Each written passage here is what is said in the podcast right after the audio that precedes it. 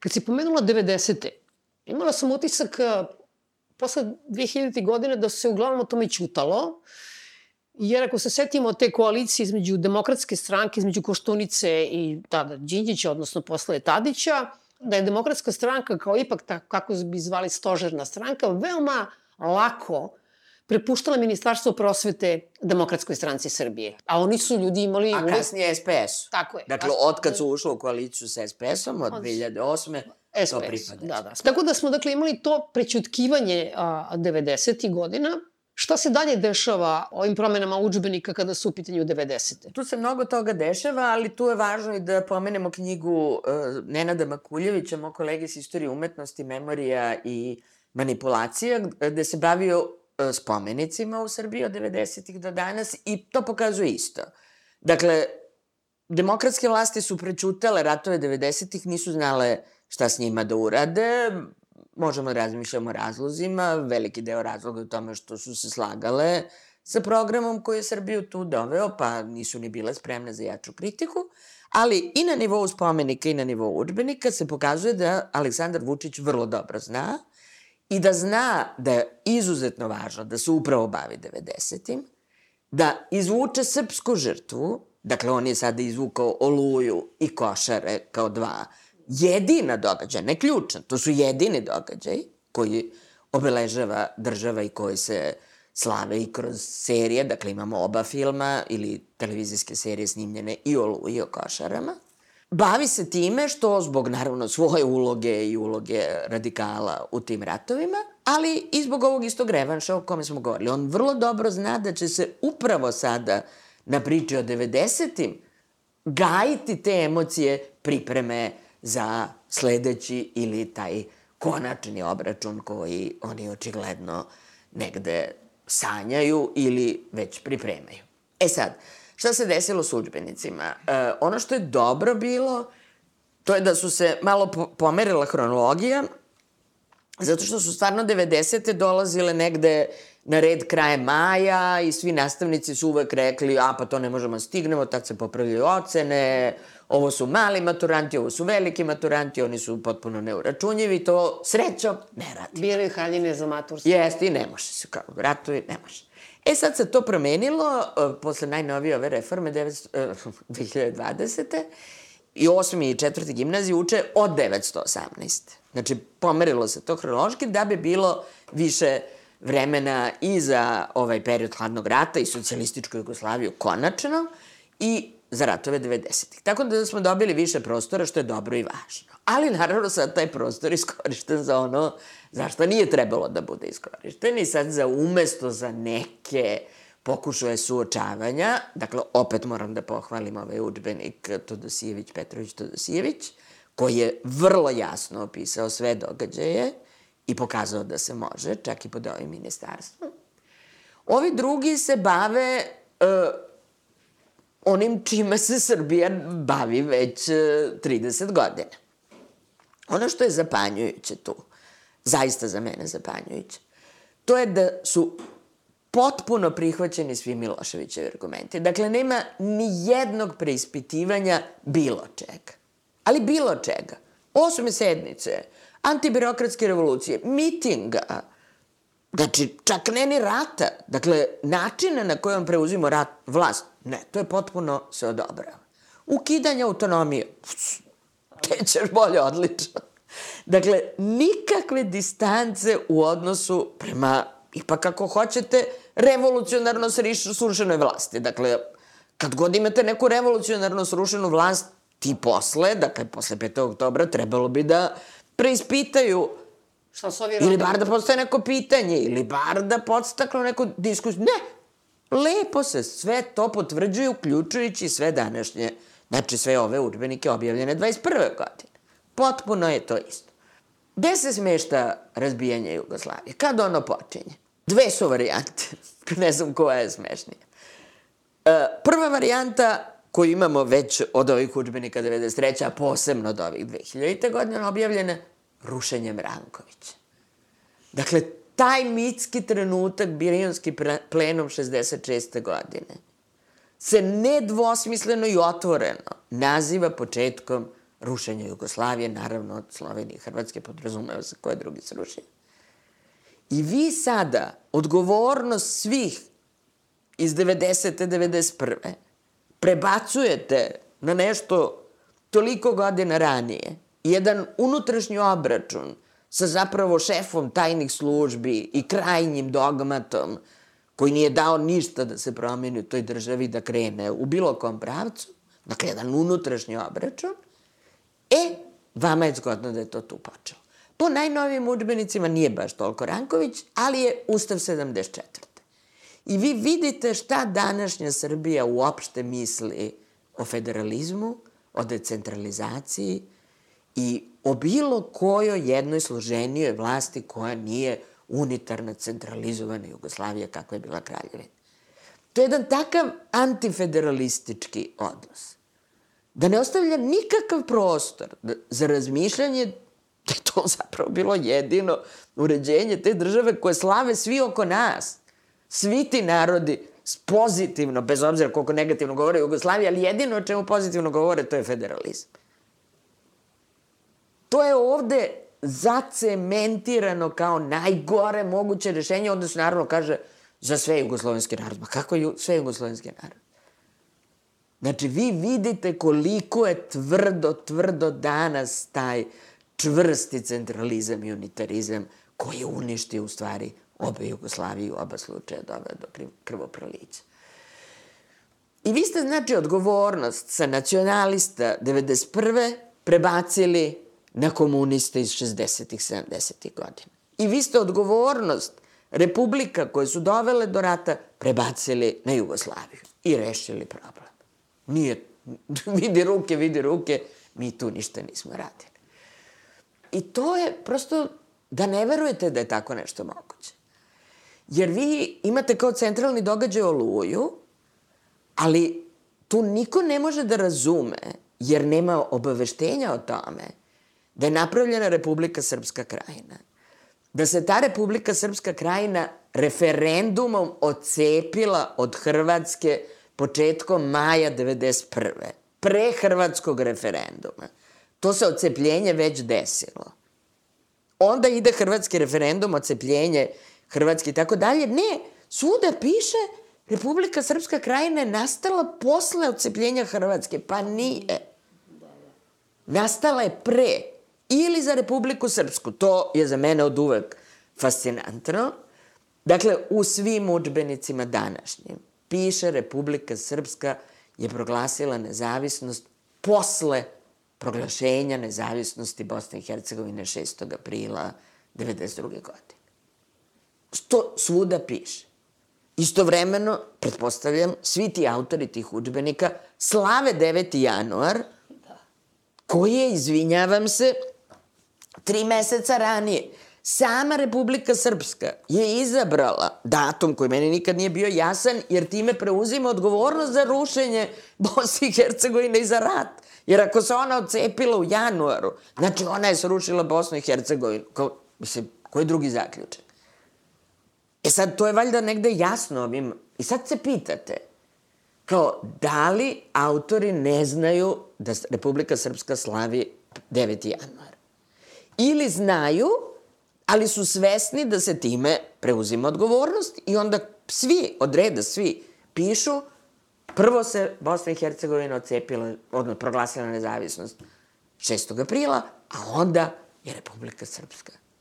Dakle, vi ništa ne možete da razumete, jer nema ni Republike Srpske krajine kao prvog koraka, nema ni ovde stvaranja Republike Srpske takođe kao prvog koraka, I onda šta? Kako onda objasniti sankcije? Šta onda napišu? Nepravedne sankcije danas piše. Jer je Srbija humanitarno pomagala svoj narod, na šta valjda svaki narod ima pravo. I tako završavamo priču o sankcijama. I ko je odgovor? Znači, vi pokrivate odgovornost Slobodana Miloševića sankcije po boku. Jer pokrivate odgovornost za sve ono što je do sankcija dovelo. Nema Vukovara ili ima nekih neobičnih rečenica u najnovijim učbenicima. Piše, onda je ušla JNA i deblokirala grad. Kao što znamo, blokada je negativna u principu, a deblokirati je nešto pozitivno u srpskom jeziku. Dakle, osvajanje i rušenje Vukovara i iseljavanje hrvatskog stanovništva nema. Ovčare nema. Nema ovčare, nema opsade Dubrovnika, nema ni opsade Sarajeva, opet neka, ima neobičnih rečenica iz kojih kaže o, Bošnjaci nisu Srbima dali da izađu iz grada. Dakle, u stvari, Srbi, su Bošnjaci... Srbi živeli u Sarajevu i oni su bili obsednuti. A ja sam obsednuti... napravila lapsus. Ne, ne, ne, pa tako piše. Naravno, najproblematičnije je ono što piše o Srebrenici. Šta rade jadni autori učbenika, znači, koji ništa od ovoga pre toga nisu ispričali, dakle, ne znamo kako su ratovi počeli, ne znamo ništa šta se u njima dešavalo, ne znamo šta to traje tolike godine, e, sad dolazi Srebrenica, to nekako moraju da pomenu.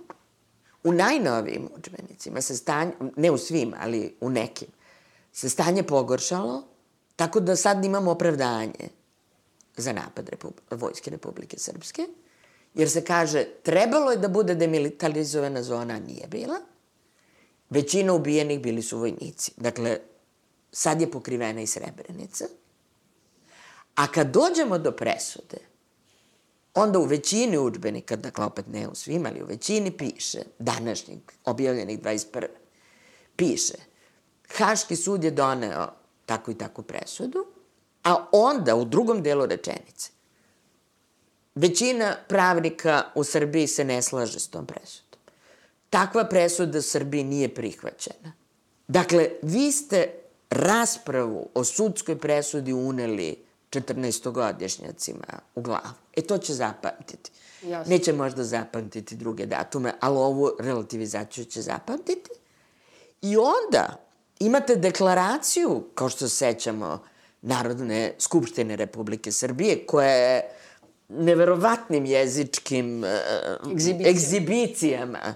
Napisala da se desio strašan zločin i da Narodna skupština Republike Srbije prihvata karakterizaciju zločina koju je doneo Međunarodni sud pravde ili tako nešto, izvinjala se baš, trenutno sam borala tačan citat. Vi u učbenicima oni kažu, Skupština je donela deklaraciju o Srebrenici, ali nema ovog dela. I vi ste, dakle, potpuno relativizovali, kad je reč o broju žrtava, oni kažu ili broj nije utvrđen, ili kažu utvrđen je, ali je daleko taj broj preteran od onog koji je stvaran. Dakle, o Srebrenici znamo više nego o bilo kom zločinu učinjenom u savremenom dobu. Svaka koščica sahranjena na potočarima je DNK analizom dokazana o kome se radi. Nema nikakve sumnje u broj koji se svake godine promeni u potočarima. I vi bez problema u učbenicima danas objavljenim napišete da to broja nema ili da on preuveličan ili da vi u njega jednostavno ne prihvatate i ne verujete. Da se nikad neće ni znati. I da se ne može ni znati i tako dalje. Sankcije su iz čista mira, bombardovanje iz čista mira, jer ništa nije opisano šta se dešavalo na Kosovu. Piše u današnjem učbeniku, Sjedinjene američke države otele su od srpskog naroda Kosovo i Metohiju. Čak sa Sjedinjene države, dakle, čak ne ni NATO. Ne, Sjedinjene države otele su Kosovo i Metohiju. I šta sad vi kad imate takvu situaciju u učbenicima, nego da ono što smo od uve govorili na Peščaniku, da je ta nastava istorije predvojnička obuka i da je to priprema za buduće sukobe, a ne način da se suočite sa onim što se desilo i da toga koliko moguće racionalno izađete. Sad, gde se desio najveća promena u interpretaciji? Najveća promena u interpretaciji smo već neke pomenuli, znači to je pre svega u Prvom svetskom ratu, koji je način na koji se piše u tim učbenicima je do te mere slavljenje smrti i insistiranje na neverovatnim detaljima. Znači, meni je prosto sad neprijetno da ponovim te detalje. To je meso koje otpada od kostiju, to su kosti koje se mrve, to su lica koja trule, to su deca koja se bacaju jame. Dakle, takvih opisa nikada nije bilo. Nije ih bilo posle prvog, u učbenicima posle prvog svetskog rata. Ovo je jedna nova pojava. Ovo je zaista jedno patološko slavljenje smrti i taj traumatizovani poraz koji vas potpuno u stvari blokira. To je unošenje tog novog razumevanja poraza, dakle tog traumatizovanog poraza, za koji Alaida Asman kaže da ono blokira, evo čitam, razvojne sposobnosti društva. Ono onemogućava društvo da se razvije. Vi ostajete u tom porazu i vama ne daju da iz njega izađete. Izdajnički iz tog poraza izaći. Izdajnički je postaviti pitanje te pobede ljudi. Mi smo imali pobednički mentalitet šta se desilo ovde. I ona dalje analizira i kaže to je društvo koje gubi vezu s realnošću i koje je neosetljivo na patnje drugih. To je užasno važno, to je naše društvo danas. Dakle, ovde više nema šta da vas potrese. Ovde je jedino Ribnikar i Mladenovac izazvao neku emociju. Ja poslednjih decenija nisam nikakvu emociju osetila. Ne samo prema žrtvama 90-ih, prema žrtvama Ukrajini, prema žrtvama danas na Bliskom Gazi, istoku. Da, da. Uh, bilo ko, jel se ovde iko stvarno potresao? Jel se iko potresao zbog poštara ili poljoprivrednika? Dakle, vi ovde ne možete više da izazovete reakciju jer je društvo mrtvo, a mrtvo je jer se identifikovalo sa mrtvima i sa poraženima, a ne sa živima, pobednicima i herojima, kao što je to bila neka epska tradicija koju bih ja isto rado dovodila u pitanje i nisam neko ko je sigurno nju slavio, ali moram da kažemo, ne, zdrav odnos prema sadašnjosti i budućnosti, mi smo uplovili u jedan težak i bolestan odnos. Naravno, ono što je najopasnije je, su te nove interpretacije drugog svetskog rata, dakle, izbrisano je e, kolaboracija četnička, izbrisane su sve njihove žrtve i svi njihovi zločini, sada su najveći krvnici partizani i komunisti, a najveće žrtve e, gubitnički četnici. Dakle, došlo je do potpune promene, pri čemu naravno ni u kom slučaju nema mesta za žrtve holokausta, jer bi one smetale i komunistima u toj interpretaciji i u današnjoj interpretaciji. Jedna od traumatičnijih stvari koje su se desile u post-5. oktobrskoj Srbiji je atentat na Zorana Đinđića. Da, da li je tu uopšte ušlo u učbenike i na koji način? Ušlo je, ušlo je, ušlo je odmah, već u one prve iz 2005. bila je njegova fotografija i tako dalje. Međutim, ono što me zaista zapanjilo, to je da u najvećem broju, opet kažem ne sve, ima dobrih učbenika, ovih današnjih, 21. objavljenih, ali u najvećem broju piše da je Zorana Đinđića ubio zemunski kriminalni klan i tačka. Dakle, ni u ovom slučaju, kao ni u suđenju u Hagu, kao i za Srebrenicu, ne prihvataju se odluke suda, ne prihvata se da je dokazano da ga je ubila državna bezbednost, drugim rečima država, uz pomoć naravno i kriminalnog klana, ali koji je tu savršeno druga ruka, Zvezdan Jovanović je specijalna jedinica, pa pobog od njega do legije, do svih direktnih učesnika, oni koji potežu obarač, to je država. Ne, vi danas u učbenicima, 20 godina posle ubistva, piše da, je, da su ga ubili kriminalci, drugim rečima i on je kriminalac, to je neki unutar kriminalni obračun, nećemo se mešamo, nije to političko pitanje, doviđenja Zorane Đinđića. Dakle, to su te ogromne interpretativne promene koje su se desile i koje su sve od reda izuzetno opasne i koje onda dovode do ovog što je bilo negde tvoje prvo pitanje o identitetskom predmetu. Dakle, istorija se uz književnost, uz srpski jezik, uz geografiju, pa čak i muzičko, naziva identitetskim predmetom. Dakle, ona ne služi obrazovanju, to je jasno rečeno, ona služi u stvari mitologizaciji i mitskom verovanju o sebi samom Ili kao što je 1. septembra, na prvi dan škole, patrijar Porfirije rekao, vrline su važnije od znanja. Dakle, to jeste temelj naše obrazovne politike, dakle, verovati u sve ovo što učbenici donose. Tvoj kolega Ković rekao, kako se sećam, da se spreči duhovna kolonizacija. Da, to je duhovna kolonizacija i tu sad, su strašni ti primeri i Orbana i, i Putina i tako dalje, zato što, evo recimo, to je zanimljivo da ovi teoretičari kulture sećanja, uh, oni gaje neki optimizam kao, ali sad ne može svaka nacija da luduje kako je padne na pamet, jer sad postoji globalno sećanje mm. i onda će to globalno sećanje u stvari da utiče racionalno na nacije. Neće da utiče racionalno, naprotiv. Mi, Mađari, Putinova Rusija, mi smo dokaz da ono još više izaziva ovo što bi E, se nazvalo ta borba protiv kolonizovanog sećanja i mi onda još više radimo na stvaranju neke sobstvene slike o ukupnoj svetskoj prošlosti. Ne više samo našoj, sve. Mi sad sve interpretiramo na drugi način.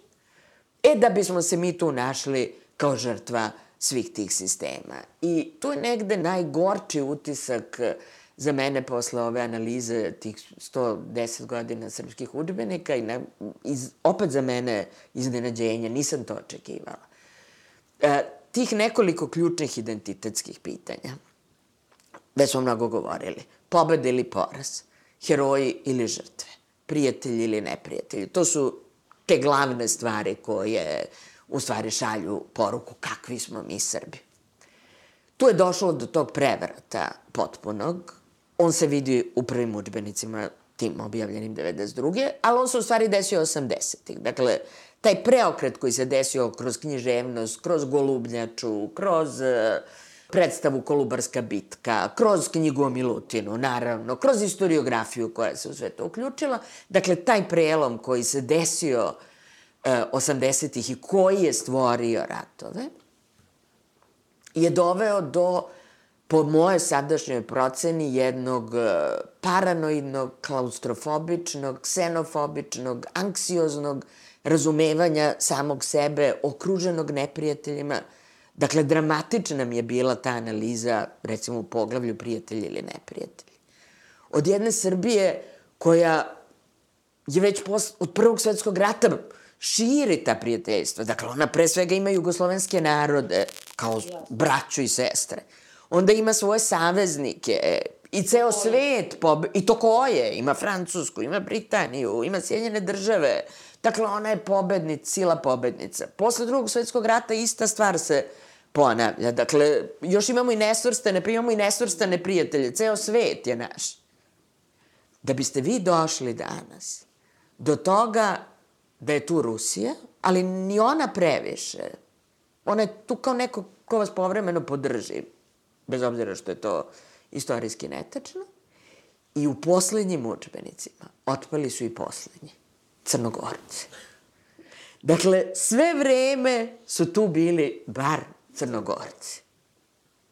U poslednjim učbenicima otvoreno se pojavljuje politika Filohija Radovića, Litija i svega onoga što je sada u Crnoj Gori pobedilo – I tu se piše da je Srbima u Crnoj Gori strašno, da njih proteruju sa posla, da njih kinje na sve moguće načine, da ni Čirilice nema i tako dalje i tako dalje.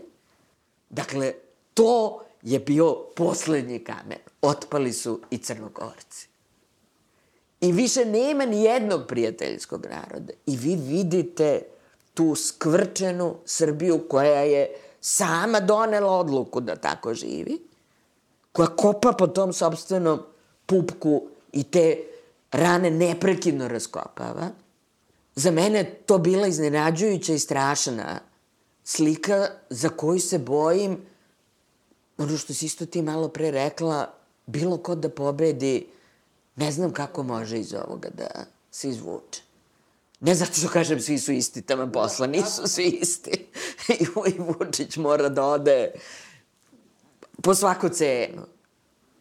Ali izaći iz ovako dubokog moralnog, etičkog posrnuća, gde vas je istorija, gde ste dozvolili da vas istorija zarobi, umesto, kao što kažu moderni istoričari, da vas istorija oslobađa, da vam ona daje snagu za nove poduhvate. Ne. Vaše novo tumačenje sobstvene istorije vas je potpuno vezalo i noge i ruke i zato je taj naslov prošlost dolazi, ona nije iza nas, ona nije rešena, mi prema njoj ne možemo da uspostavimo kritički odnos, jer smo mi u nju upali kao u živo blato.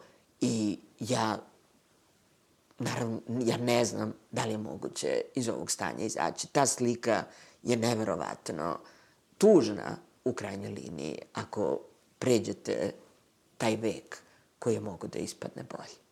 Kad smo govorili o toj reviziji istorije, pogotovo reviziji recimo drugog svetskog rata, jel da to? Mi smo i posle 5. oktobra imali ove vlasti koji nisu hteli da idu na obeležavanje oslobađanja Auschwitza, pa nisu odlazili na obeležavanje uh, u paradu u Moskvu, ali tako, tako jel da? Tako je, tako je. E sad, U čemu je razlika, recimo, mi imamo uh, uh, na evropskom nivou te mahnite baltičke zemlje koje su iz tog antikomunizma, koje je zološkog antikomunizma i, i otpora prema Rusiji, uh, jednostavno dozvolili da SS-ovci marširaju tamo glavnim ulicama glavnih gradova. Imamo tu reviziju Hortija u Mađarskoj, je tako? Slovačka, Hoću da kažem, mi smo bili deo tog trenda. To je apsolutno tačno što kažeš. Međutim, prva razlika je u tome što smo mi stvarno imali antifašistički pokret i to od početka, za razliku od ovih drugih. Dakle, I Slovaka i ovih... Dakle, oni svoj identitet antikomunistički, antisovjetski vezuju za te fašističke pokrete kao prethodnicu onoga što će njima doći sa okupacijom u vreme uh, hladnog rata. Ali Naša situacija je bolesna. Dakle, vi imate sve to, vi ste da. sila pobednica i vi to izbrišete i vi ne slavite 20. oktobar i vi ukinete 900 ulica, imena 900 ulica u Beogradu i ne znam koliko osnovnih škola i vi sami sebe porazite. Dakle, to je prva specifičnost. A druga jeste ovo tačno što si rekla. Znači, rehabilitacijom četnika ti rehabilituješ sve one iz 90-ih koji se jesu pozivali i na četnički program i na četničke tradicije. I tako su se, kao što se sećamo, i maskirali i oblačili, naročito na početku ili krajem 80-ih kad su počeli da se pojavljuju u Hrvatskoj i kad su se oblačili u one šubare i držali nožev u zubima, nikad neću zaboraviti tu naslovnu stranu vremena, bio je neki incident. Pa izvini, pa Mladić je nosio Titovku prvo, pa je nosio šo, ovaj... Pa je nosio Stepinu ovu stepinu, kapu. Da, dakle, da. i on je tražio te svoje istorijske korene, ali u stvari e, tom rehabilitacijom drugog svetskog rata vi rehabilitujete i sve što se radilo 90-ih.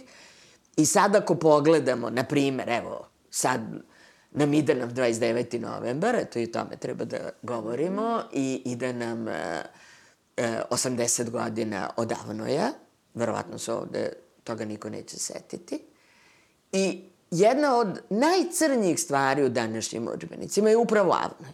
Zbog onog federalizma o kome smo govorili, jer kaže tada je podeljen srpski etnički prostor, tada je sve propalo.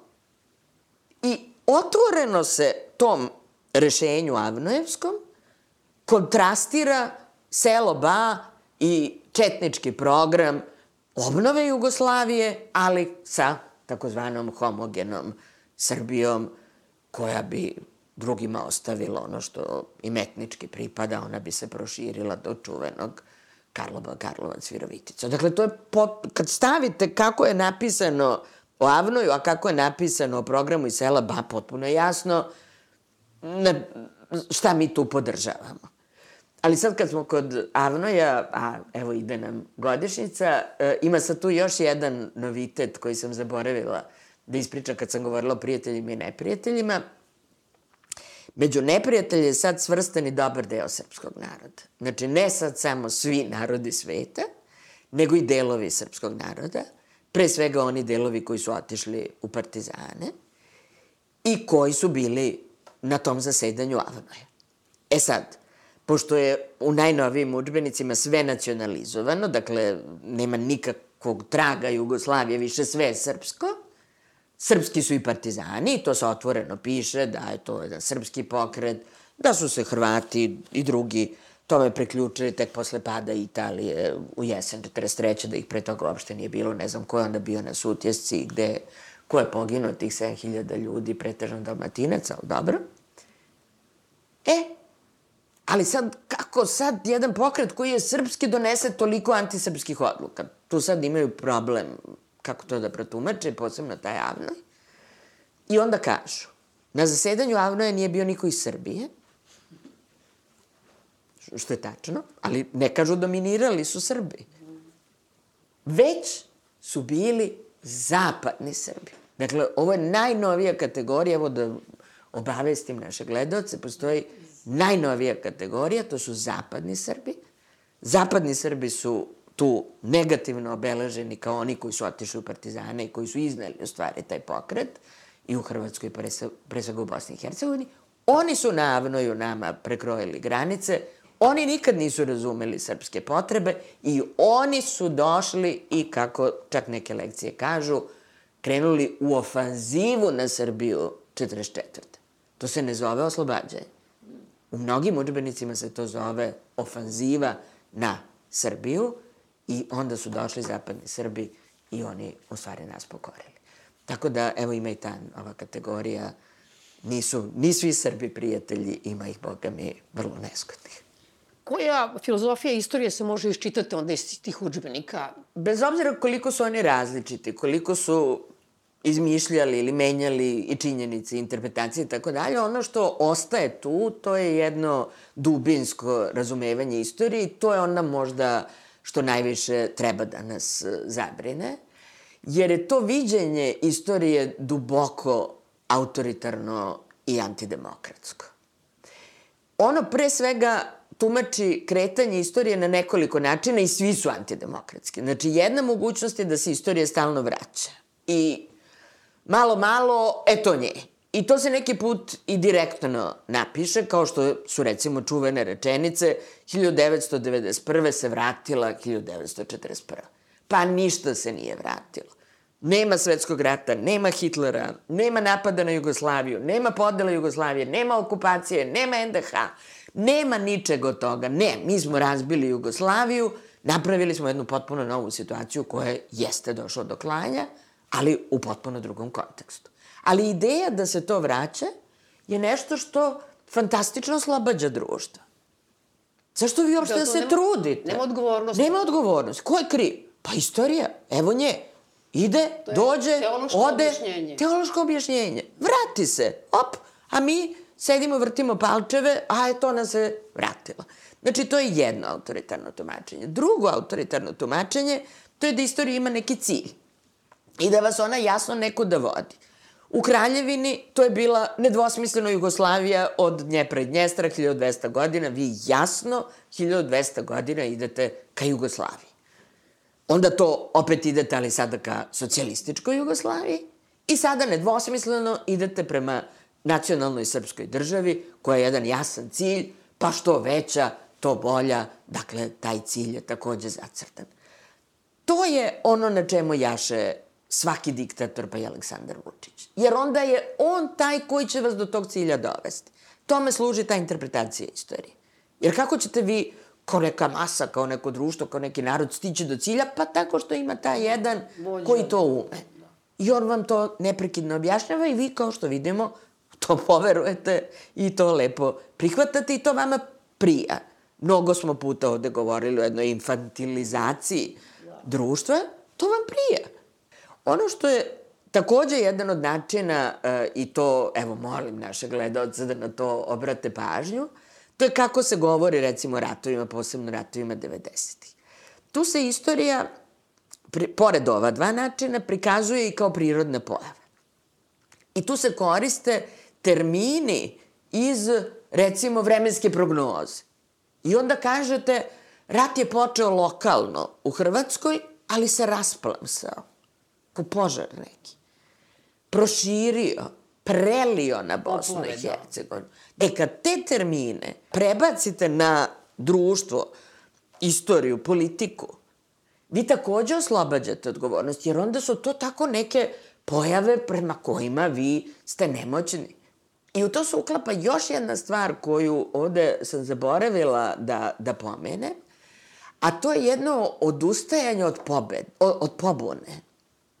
I to je nešto duboko vezano za tu četničku ideologiju. Jer ste vi, nudeći četnike kao idealno rešenje, pa sad u drugom svetskom ratu ili 90. Vi ste u stvari otvoreno rekli, a u velikom broju udbenika zaista otvoreno, da je partizanska pobuna bila iracionalna, da je dovela do civilnih žrtava, da to nije bilo pametno ponašanje, već da je daleko u stvari pametniji i Nedić i Mihajlović koji čekaju. I opet da se vratim, to je današnji Vučićev govor. Mi čekamo. Neka se to reši na velikim svetskim frontovima, mi čekamo svoj trenutak. Dakle, to je gore od onoga što je Todor Kulj zvao anti-antifašizam. Jer i anti-antifašizam je anti. Mislim, on je isto protiv nečega. Ne, ne, ovo je protiv svake pobone, protiv pomisli da vi možete nešto da promenite. I to je ta jedna, mislim, najdublja potka koja omađijava te učenike koji će srećom zaboraviti podatke, ali ovo neće zaboraviti. Ovo im je poruka, glupot je da se buniš. Nije to na tebi. Dođe istorija, prođe, ode. Čekaj. To je to užasno antidemokratsko viđenje i prošlosti, i sadašnjosti, sanice i budućnosti, da ništa ne zavisi od ljudi. Od tebe ništa ne zavisi. To je stalno ponavljanje toga, ali i ponavljanje kroz ove opise kako se istorija rasplamsava, preliva, zapljuskuje i tako dalje. Tako da molim naše gledalce da nikada ne koriste te izrazi i da nikada ne kažu istorija se ponavlja. Hvala, Dudo. Hvala tebi.